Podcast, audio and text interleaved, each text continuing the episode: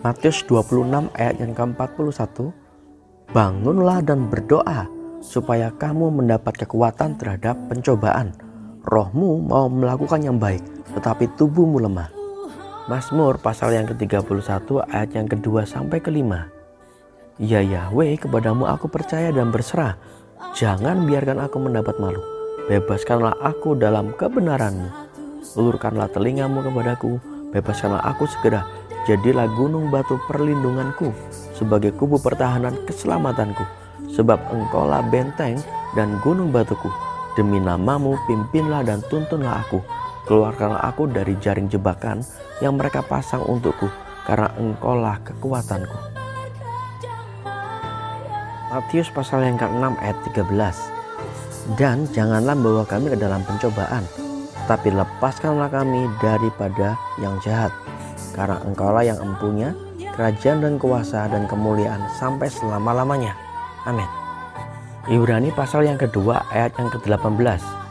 Karena dia sendiri telah menderita ketika dicobai, maka dia mampu menolong mereka yang sedang dicobai.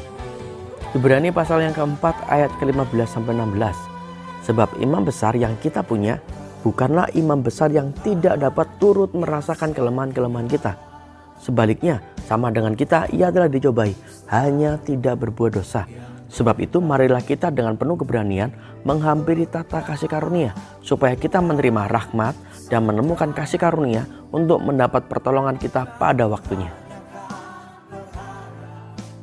Yakobus pasal yang pertama ayat yang ke-12 sampai 14. Berbahagialah orang yang sabar menanggung pencobaan karena ketika ia diuji ia akan menerima mahkota kehidupan yang telah Tuhan janjikan kepada mereka yang mengasihi dia. Ketika dicobai, janganlah seorang pun berkata, aku dicobai oleh Elohim.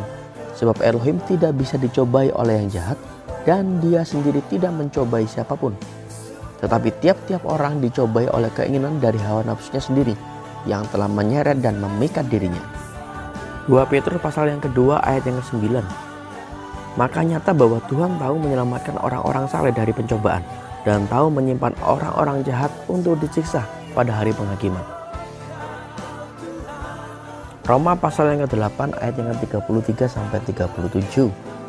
Siapakah yang akan melemparkan tuduhan terhadap orang-orang yang dipilih Elohim? Elohim kah? Justru dialah yang membenarkan mereka. Siapakah yang akan menghukum? Kristuskah?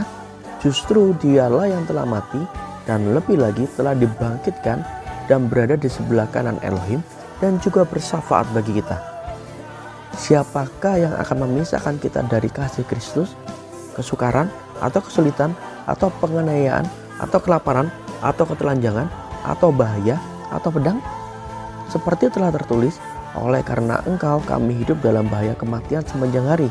Kami diperhitungkan sebagai domba-domba sembelihan. Tetapi dalam semuanya itu kita lebih dari pemenang oleh Dia yang telah mengasihi kita. Wahyu pasal yang ketiga ayat yang ke-10 sampai ke-11. Karena engkau menuruti firmanku untuk tekun menantikan aku, maka aku pun akan melindungi engkau dari hari pencobaan yang akan datang atas seluruh dunia untuk mencobai mereka yang diam di bumi.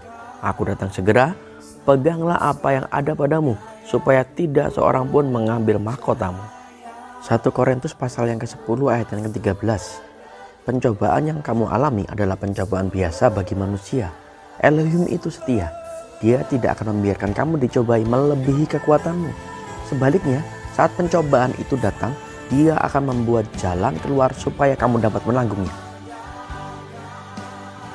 Roma pasal yang ke-8 ayat yang ke-37 sampai 39.